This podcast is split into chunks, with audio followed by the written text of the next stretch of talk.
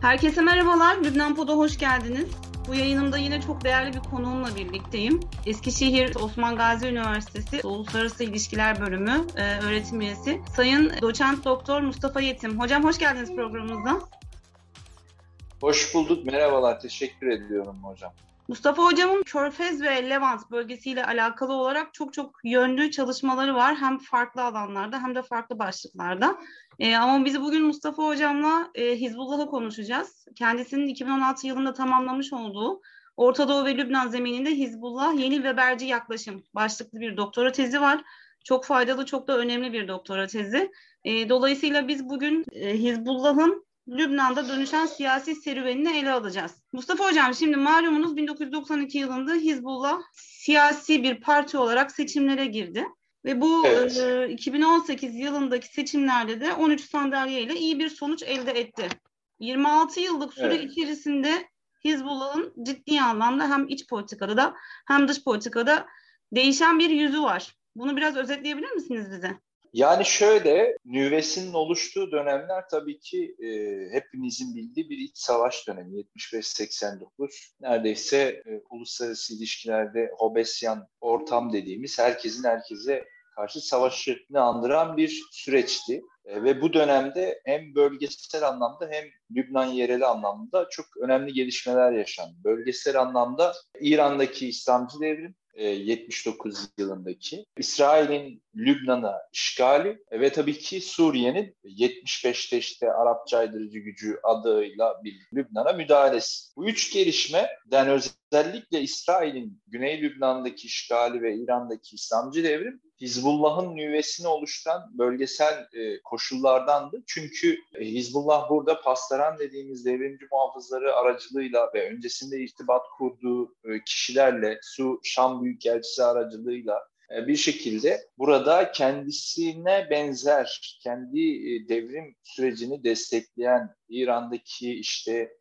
e, nasıl diyelim vali fakih sistemine öykünen, ona saygı duyan bir oluşumu destekledi ve bu oluşumda Emel'den kopan işte İslamcı Emel dediğimiz Emel'in e, değişen politikalarını İsrail'e karşı değişen politikalarını dönüşen politikalarını eleştiren bir grup ve diğer tabii ki Lübnan'daki yerel gruplar birleşerek bir araya gelerek daha e, farklı bir iç ve dış politika stratejisi benimseyen Hizbullah'ın nüvesini oluşturdu. İsrail işgali de aynı şekilde genelde Güney Lübnan bölgesinde olduğu için ve e, siz de biliyorsunuz Güney Lübnan genelde Şii yoğunluklu bir bölge ve Filistinli mültecilerin de bulunduğu bir bölge. O dönem yaşanan katliamları hepimiz biliyoruz. Sabra Şatila başta olmak üzere. Dolayısıyla böyle bir iç koşulların ve bölgesel koşulların beslediği ve sonuç itibariyle yeni bir aktörün ortaya çıktığına şahit. Bu iki koşul Hizbullah'ı ortaya çıkaran en önemli koşuldu ve Hizbullah işte 80'li yılların ortasına doğru 85 döneminde o bizim klasik dediğimiz Lübnan'daki ve dünyadaki mazlumlara açık mektup aslında ilk resmi belgesidir yani. Sözcüleri açıklamıştır onu. Ve o ilk belgeden bugüne çok şey değişti. Şöyle ki o ilk belgede tabii bugün Hizbullah'ın politikalarını izlediğimizde bizi hani fazlasıyla şaşırtan mı diyelim artık yani onun dönüşüm sürecini muhalif bir hareketten iktidara sahip olan bir harekete geçişinin simgelerini bize gösteren mesajların başında bu nokta geliyor radikal bir şekilde siyasi mezhepçiliğe karşı biliyorsunuz. Lübnan'da siyasi bir mezhepçilik var. Yani sistem mezhepçi bir şekilde bölünmüş durumda. Onun tabii ki teorik çerçeveleri var ama hani fiyattan gelen o bu paylaşımcı demokrasi dediğimiz şey hani toplum eğer farklı etnik dini e, gruplar tarafından eşit güçlü e, gruplar tarafından bölünmüşse hani böyle bir paylaşımcı demokrasiyi uygun görüyorlar. Lübnan'da da bunu işte uygulamaya çalıştıklarını söyleyebiliriz. O Fransa'nın Fransa'dan kalan bir kolonyal e, e, eser, kolonyal iz açıkçası. Dolayısıyla yani Hizbullah öncelikle ve radikal bir şekilde revizyonist bir hareket olarak e, ilk olarak buna karşı çıktı. Yani dedi ki Lübnan'da ben hiçbir şekilde e, mezhepçi sistemi istemiyorum. Devrim yani onların temelindeki şey devrim sürecini desteklemek, devrim sürecine öne yak olmak. Bu iç politikadaki en önemli e, vurgusuydu. Yani aslında şöyle diyebiliyor muyuz hocam yani iç savaş süresince belki daha radikal olan tutumunu siyasi evet. bir partiye evrildiğinde yumuşatmış bir örgüt haline geliyor aslında Hizbullah. Hristiyanlara karşı daha yumuşak bir uslup içeren bir parti haline dönüşüyor.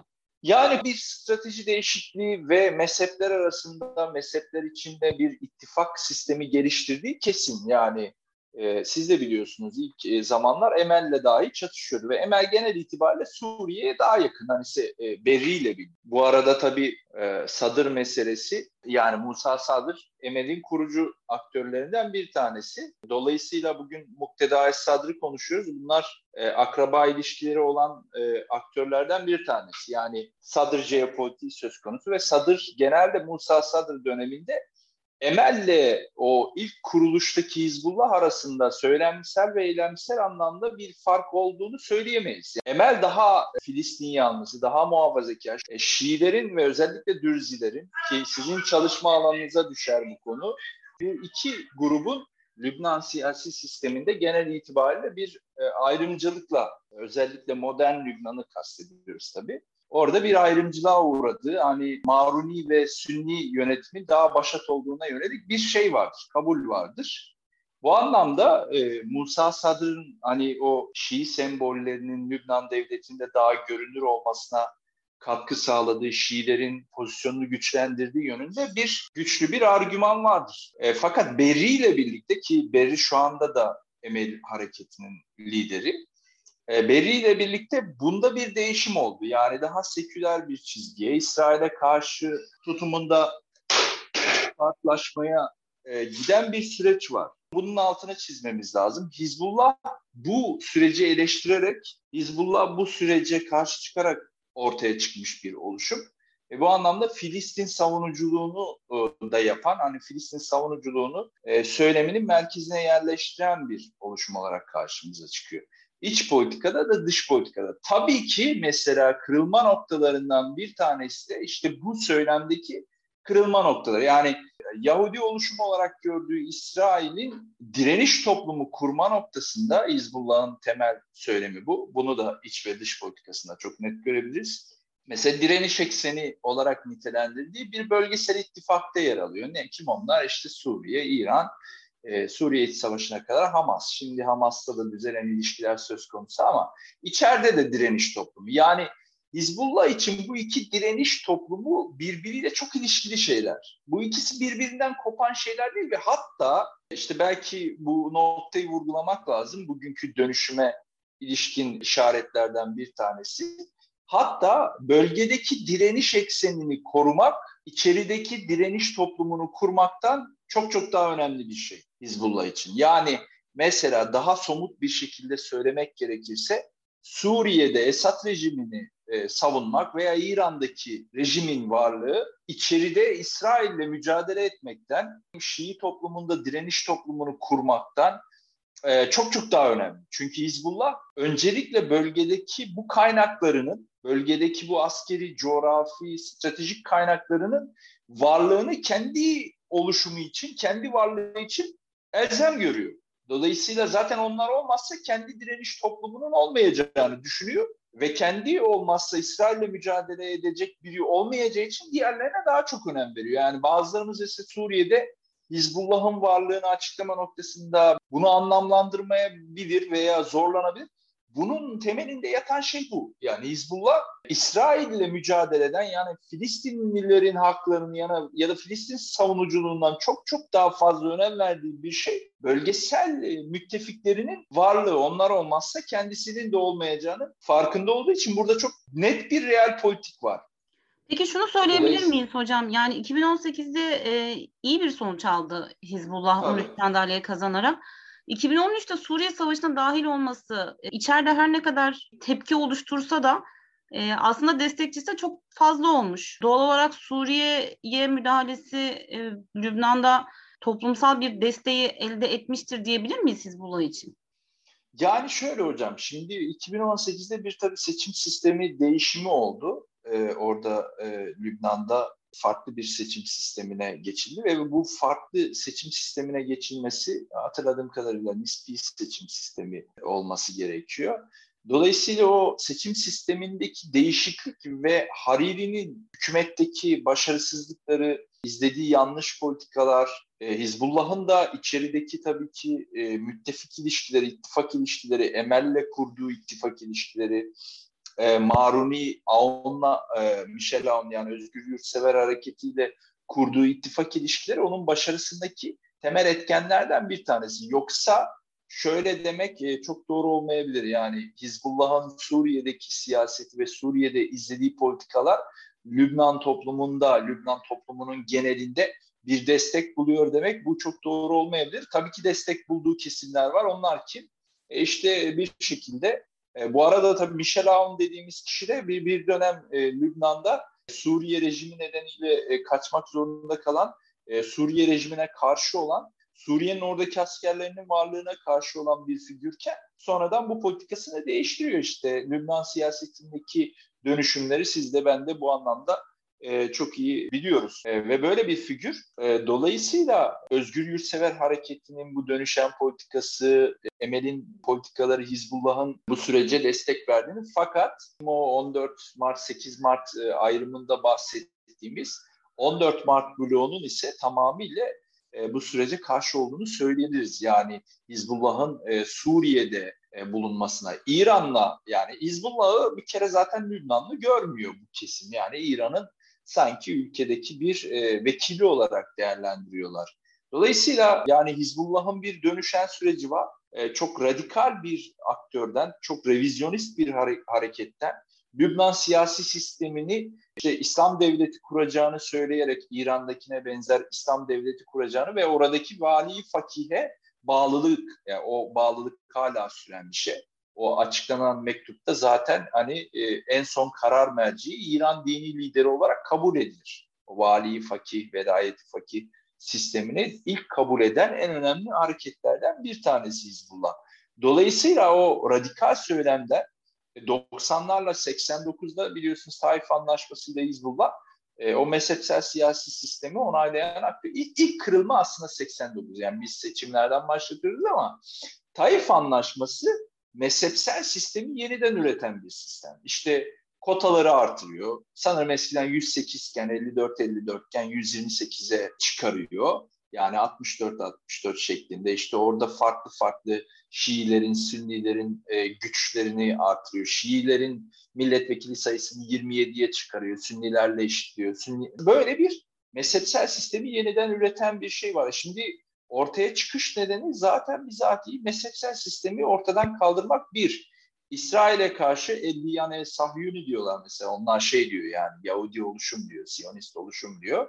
Dolayısıyla onu ortadan kaldırmak. Çünkü onu hem Filistin sorunu için hem bölgesel ilişkiler açısından İsrail'i tırnak içinde tümör olarak görüyor. Yani hani bölgenin e, kolonyal tümörü olarak görüyor. Amerika'nın işte Batılıların bölgedeki e, dizaynının bir e, sonucu ve dolayısıyla onu ortadan kaldırmadan ne Filistin sorunu ne de bölgesel ilişkiler rahatlayacak diyor gibi. Üçüncüsü İslami sistemi, mezhepsel sistemi kaldırıp İran'a benzer bir Şimdi Taif Anlaşması'nın onaylaması, bahsettiğiniz o seçim süreçlerine, belediye seçimlerine, parlamento seçimlerine ki bu seçim tartışmaları Hizbullah içerisinde çok yoğun e, kırılmalara yol açmış iki üye sanırım 12 üye vardı o karar alma şura meclis dediğimiz mekanizmada.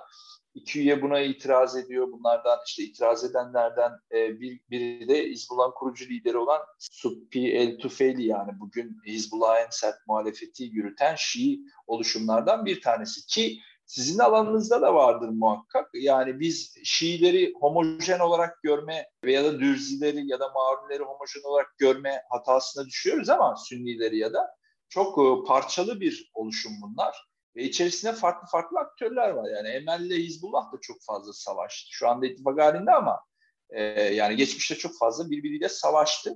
E, Suriye Hizbullah'ı bastırarak Emel'in tamamen yok olmasını e, engelledi o dönem. İran'da ona sessiz kaldı. Bahsettiğimiz şeyler 80'li yılların sonuna doğru. Dolayısıyla Şii toplumu da çoğulcu. Maruni toplumu da çoğulcu muhtemelen ki işte mesela şu anda bir tane Maruni oluşum e, Aun ve Cibran Basil dediğimiz Özgür Yurtsever Hareketi Partisi e, Hizbullah'la e, ittifak halindeyken Semir Caca ki Semir Caca'nın geçmişi çok kanlıdır. Yani o iç savaş döneminde Lübnan güçleriyle birlikte hem e, Filistinlere yönelik hem diğer e, aktörlere yönelik İsrail desteğiyle çok kanlı müdahalelerde bulunmuş. Şimdi kendisini reformist olarak hani biraz daha toplumsal e, taleplere destek veren bir figür olarak konumlandırsa da yani böyle bir geçmişe sahip olduğunu da unutmamak lazım. Semir Caca şimdi 14 Mart dediğimiz blokla yani Hariri, Can Bolat'la daha e, yakın bir süreç içerisinde olduğu gözleniyor. Dolayısıyla yani dürsiler arasında da muhakkak vardır. Lübnan siyasetinde hani Hizbullah eşittir Şiiler değil, ama Hizbullah eşittir hem Şiilerin hem günümüzde okursak hem de Lübnan'ın en dominant siyasi, askeri e, ve ekonomik aktörlerinden bir tanesi. 90'larda o seçim süreci Hizbullah'ın önemli kırılmalarından bir tanesi. Çünkü yok sayıyordu yani. Yani bu sistemi yok sayıyordu ve onu hani bir şekilde devireceğini, yeni eline başka bir rejim kuracak. O söyleminden vazgeçmeye başlıyor. Söyleminden vazgeçmesinin en önemli işaretlerinden bir tanesi de mesela bayrağında e, sanırım Hizbullah'ın o işte yeşil sarı olan bayrağında e, devrimle ilgili bir şey e, geçerken İslamcı devrim gibi bir ifade onu mesela bayrağından kaldırıyor. Daha çok hani Lübnanlığa vurgu yapan, e, yerelliğe vurgu yapan, daha çok e, İsrail'le ilişkilere e, veya işte Filistin meselesine vurgu yapan bir e, sürece kendisini e, dönüştürmeye çalışıyor ya da e, o, o söylemi benimsemeye başladığına şahit oluyoruz ve bu dönüşümlerin neticesinde 90'lı yıllarda yaşanan dönüşümlerin ki Soğuk Savaş'ın bitmesi de tabii bunda Amerika'nın da işte e, tek süper güç olması, İsrail-Filistin arasındaki barış görüşmelerinin devamlı gibi e, tabii küresel gelişmeler de söz konusu. E, şeyde İran'da da e, moderate yani dediğimiz daha alımlı bir figür Hatemi dönemi var ve o dünyaya işte batıya daha açık bir politika seyrediyor gibi gibi e, dönüşümlerin olduğunu da not etmek lazım. E, sonrasında e, bu dönüşümlerle birlikte işte Suriye'nin askerlerinin çekilmesi süreci var, Hariri suikasti var. Bunların hepsi her ne kadar e, 2006'da İsrail ve Hizbullah arasında bir savaş olsa ve bu savaşta e, bir şekilde e, Hizbullah'ın popülaritesini artırsa da bu bahsettiğimiz Suriye'nin asker çekmesi ki Hizbullah buna çok fazla karşı çıkmıştı ve Hariri suikasti Hizbullah'ın isminin geçtiği bir suikast. Daha geçenlerde hatta bu konuyla ilgili karar çıktı. Yani ne kadar Hizbullah ilişkili isimler olsa da e, beklenilenin aksine hani Hizbullah'ı net bir şekilde suçlayan bir karar olmadığını söyleyebiliriz. Ama tabii ki ilişkili isimler olduğuna yönelik şeyler de var. Hani o kişilerin Hizbullah'la ilişkili olduğunu ifade ediyorlar. E, dolayısıyla bu Hariri suikastinde yaşananlar e, Suriye'nin askerlerinin çekmesi Hizbullah'ın yerel anlamda bir pozisyon kaybına yol açtı. Tabii bunu telafi etti mi? Etti. Hizbullah genel itibariyle bu İsrail'e karşı e, çatışmacı durumuyla Lübnan'da ve İslam dünyasında ya da Orta Doğu coğrafyasında popülaritesini artırmayı da bir e, koz olarak kullanıyor diyebiliriz. Yani böyle bir yorum yapmakta bir beis görmüyorum. Yani İsrail'e karşı çatışma söylemi ya da İsrail'e olası çatışmalar Hizbullah'ın e, bir kurtuluş e, formülasyonu olarak da görülebilir. E, bunu bölgede de yapan bazı aktörler olabiliyor zaman zaman. E, dolayısıyla e, hani o, o mesela kendi e, izlediği e, Lübnan'daki yanlış politikaların ya da eleştirilmesi gereken politika. WhatsApp intifadasıyla başlayan süreçte de buna şahit olduk. E, revizyonist bir oluşum. Şiilerin ayrımcılığa e, uğradığını, dolayısıyla ülkede e, sekteryan sistemi kaldıracağını söyleyen bir oluşum. Gel görelim bir şekilde elde ettiği veto yetkisi, e, sahip olduğu askeri güçle ekonomik kriz, sosyal kriz, çok boyutlu bir kriz nedeniyle sokağa dökülen insanların karşısında duran bir oluşuma dönüşüyor. Yani böyle bir serüvenden bahsediyoruz. Yani bir dönem e, Lübnan siyasi sistemini işte e, birilerinin e, Maruni, Sünni onun demecinde bölgesel aktörlerin desteğiyle sömürdüğü, Şiilere ayrımcılık uyguladığı bir sistem olarak görürken bugün geldiğimiz dönemde o 2018 seçimlerinde elde ettiği başarılarla ki 2017'deki seçim sistemi değişiminin bunda etkisi var tabii ki. Ve şimdi geldiğimiz dönemde Michel Aoun'la Emel Hareketi'yle kurduğu ittifaklarla Lübnan siyasi sistemine yönelik Hizbullah'ın geçmişte yaptığı aynı eleştiriler yani ayrımcılık işte insanlara karşı e, mezhepsel sistemin uygulanması, ekonomik yoksulluklar, e, işte diğer türlü eksiklikler benzer e, eleştirilere Hizbullah'ın bugün nasıl cevap verdiğine hepimiz şahit oluyoruz. İşte bunlar bazı büyükelçiler tarafından destekleniyor. Bunlar Amerika'nın bölgedeki İsrail'in e, temelli çıkarlarını savunuyor. Aynısını Suriye'ye müdahale ederken de yani Suriye'de Esad rejiminin hepimizin e, şahit olduğu katliamları devam ederken orada neredeyse bütün muhalif aktörleri DAEŞ'le eşitleyen ve hiçbir şekilde onlara söz hakkı tanımayan, onların haklılık payına vurgu, vurgu yapmayan bir politika izledi ve Esad rejiminin ayakta kalabilmesine, kurtarılmasına küresel aktör Rusya, bölgesel aktör İran kadar destek olan bir devlet dışı silahlı oluşuma dönüştü. Dolayısıyla geldiğimiz noktada Hizbullah'ın hem dış politikada hem iç politikada iktidar sürecinin daha farklı bir e, sonuca evrildiğine şahit oluyoruz. Muhalifken e, tamamıyla İsrail'e odaklanan, Filistin sorununu ön plana çıkaran ve bu anlamda direniş toplumunu kurmayı hem Filistinlerin haklarını hem de işte bölgedeki e, şeyi savunmak açısından değerli gören bir oluşumda ve Lübnan'da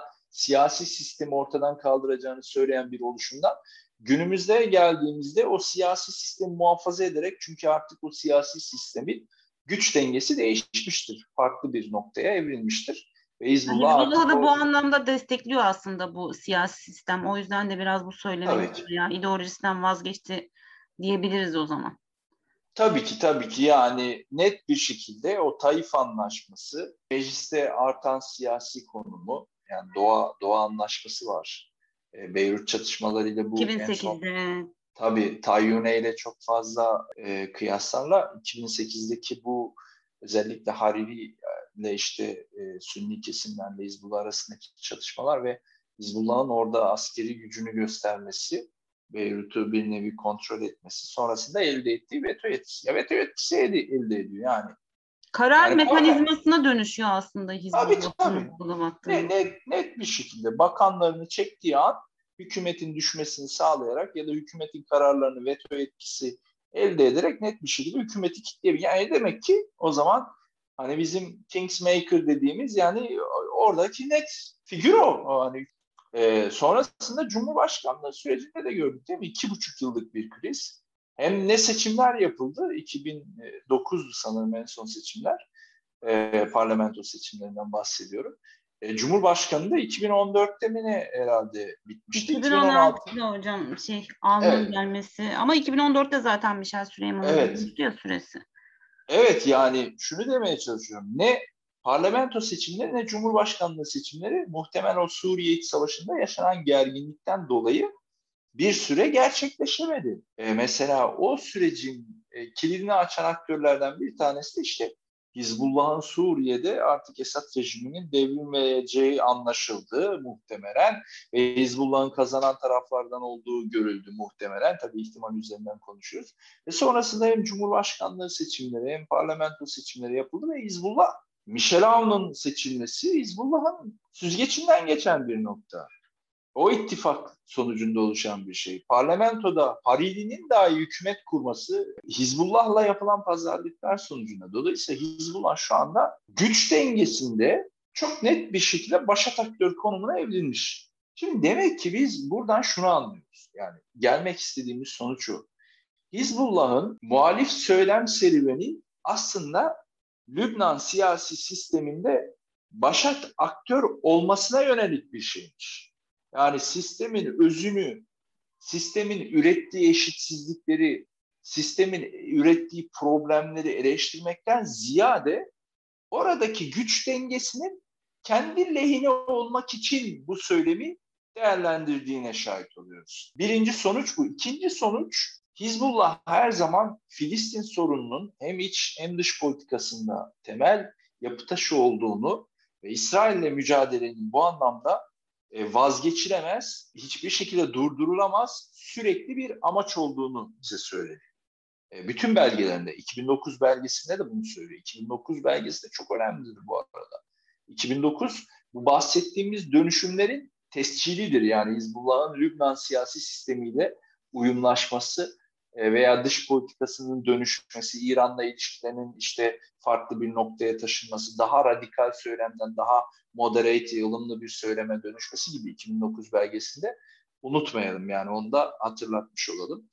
E, dolayısıyla Hizbullah için İsrail ile mücadeleden Filistin direnişinden direnişine katkı sağlamaktan çok çok daha önemli bir nokta var. O da bölgesel cepheyi diri tutmak, bölgesel cepheyi kalıcı tutmak, bölgesel cephede oluşan e, sorunları gidermek. Bunun için gerekirse bütün siyasi, sosyal, ekonomik, askeri mobilizasyonu sağlamak. Suriye İç Savaşı bize bunu gösterdi. Tam anlamıyla bunu gösterdi. Yani Esad rejimini düşünün böyle bir örnek Orta Doğu'da yok. Yani bir Lübnanlı bir iç aktör gidiyor bir devletin rejimini korumak için oraya müdahil oluyor. Ve bunu Bağapta Deklarasyonu'na karşı yapıyor. Bağapta Deklarasyonu Lübnan'ın bölgesel Yani kendi iç dengelerini sarsacak olsa bile muhakkak e, bunu yapma, yapılması gereken bir politika olarak görüyor Hizbullah baktığımızda. O noktada Lübnan'daki iç dengeler nasıl olurdan ziyade belki de dışarıda sağlayacağı istikrarla mı içeriği daha kontrol edilebilir hale getirir Hizbullah? Evet yani İran'ın varlığını, Suriye'nin varlığını e, içerideki kendi varlığı, kendi istikrarı, kendi gücü için gerekli görüyor. İlk gerekli şart onu görüyor. Bu şartı sağlayamadığı sürece kendisinin de içeride kaybedebilme ihtimalinin olacağını Lübnan tarihine baktığımızda bu yanlış bir tutum değil. Yani meselenin yanlışı veya kendisi açısından tabii bizim açımızdan yanlış olabilir ki Esad rejimini desteklemesi benim de e, fazlasıyla eleştirdiğim noktalardan bir tanesi. Kendisi açısından baktığınızda rasyonel. Yani mesela Marunilerin yükselişi, Sünnilerin yükselişi veya çöküşü, Dürzilerin işte bir dönem yükselişi falan. Bunların hepsinin yükselişi veya işte güç kaybı biraz da bölgesel görüş gelişmelerle çok fazla alakalı bir şey. Lübnan çünkü bölgesel gelişmelerin direkt olarak etkisini hissedildiği devletlerin başında geliyor yani. Bunu hepimiz biliyoruz. Dolayısıyla Hizbullah bunun farkında ve bu Suriye iç savaşını inanılmaz oranda kendi lehine çeviren aktörlerin başında geliyor. Yani kazananlardan bir tanesi. Bunu net bir şekilde söyleyebiliriz. Niye?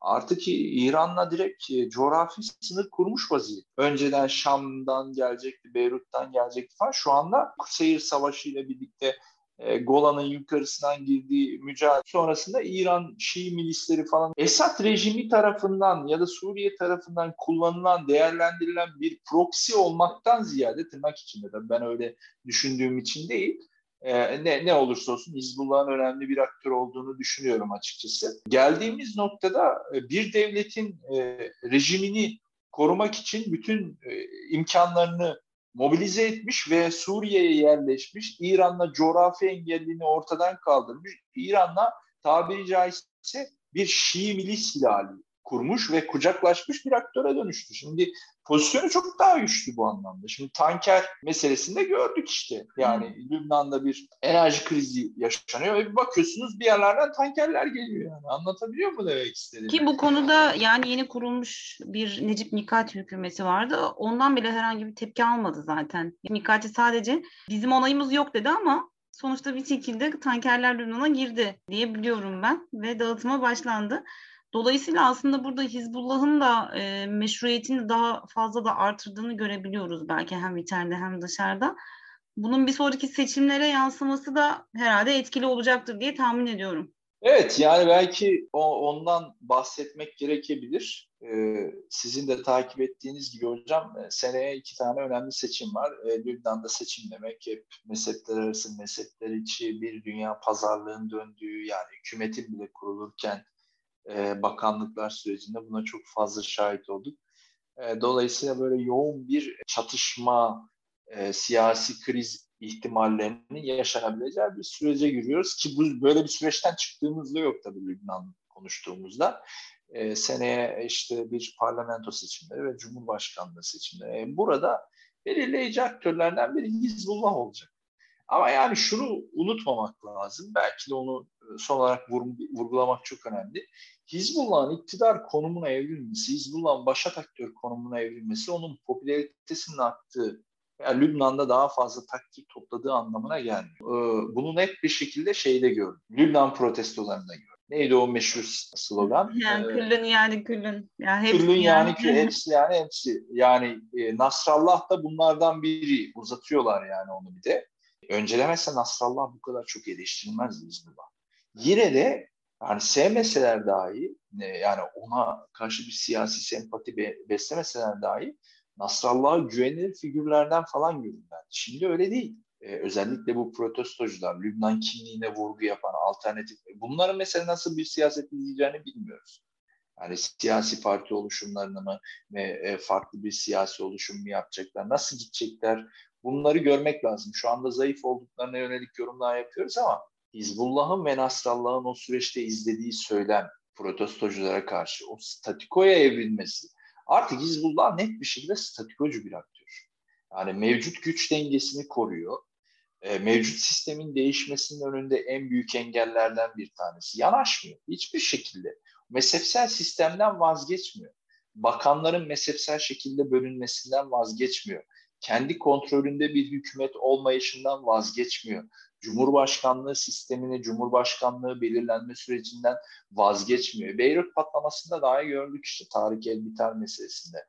Onu sorgulayacak, ona e, ona dokunacak herhangi bir gelişmeden vazgeçmiyor. Ama e, tabii ki bu vazgeçme işi onun e, askeri olarak, siyasi olarak güçlü olduğunu bize gösterir.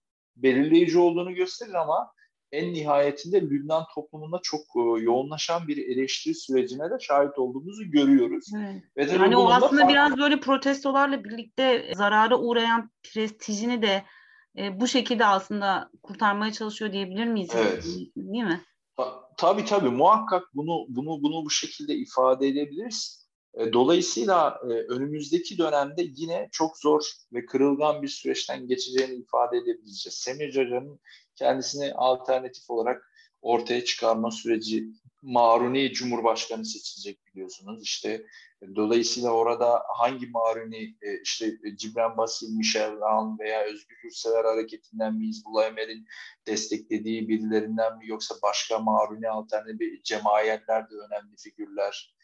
E, dolayısıyla hani hangi Maruni figürün Cumhurbaşkanı olacağı Hizbullah'ın burada nerede duracağı tabii Hizbullah'ın bu, bu, bu konuda nerede duracağı 14 e, Mart hareketinin protestocuları işte kendi bünyesine katıp katamayacağı gibi süreçler ve 14-8 Mart arasında bir ittifak gelişecek mi? Yeniden bir Cumhurbaşkanlığı hükümet kurma sürecinde yeni gelişmeler olacak mı? Yoksa bu ittifaklar dağılıp farklı farklı şekiller mi alacak?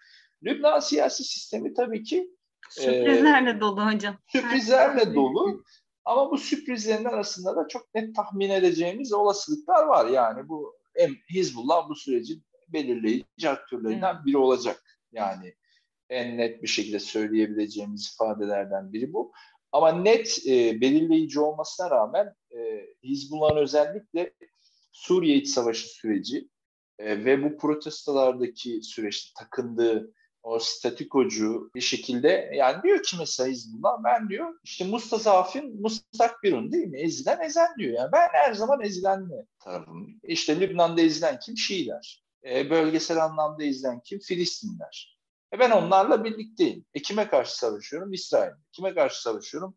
Maruni Sünni devlet yönetimi. Şimdi yani Esad ezilen falan değil. Tabii ezilen falan değil derken yani bizim yorumumuz bu şekilde Hizbullah onu da bir şekilde diyor ki işte İsrail-Amerikan e, komplosu var. O İsrail-Amerikan komplosu DAEŞ üretti. DAEŞ Esad'ı e, e işte yani, rejimine evet, devir. Ben de onu söyleyecektim. Yani hatta Tanyoni olaylarında da bunu hatta Hizbullah e, bile değil, Nasrallah bile değil, Basil söylemişti hocam.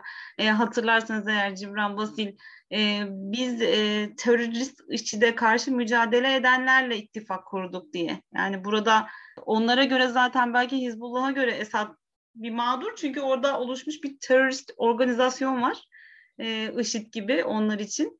E, dolayısıyla aslında sizin dediğiniz argümana çok oturuyor Hizbullah'ın taktikleri. Esad gerçekten o noktada evet. mağdur olmasa da mağdurun temsilcisi bir lider pozisyonunda. Esad. Yani bu bu net bir şekilde bize şunu gösteriyor. Hizbullah'ın söylemini siyasi şartlara e, göre değişebileceğini aslında onun bir çıkar temelli bir şey olduğunu bize gösteriyor. Yoksa işte Esad mazlum demek yani gerçekten 21. yüzyılda yapabileceğimiz en önemli hatalardan biri olabilir. Çünkü ortada mahvolmuş bir ülke, katledilmiş bir halk ve gerçekten taleplerini ılımlı bir şekilde, başka türlü şekilde ifade eden onlarca kesim var ve onları hiç muhatap almadı. Onları da IŞİD, DAEŞ falan şeklinde yorumladı. Dolayısıyla biz bunların işte yok saydığı gerçeklik bu. Yok saydığı gerçeklik kabul ettiklerinin yanında devasa.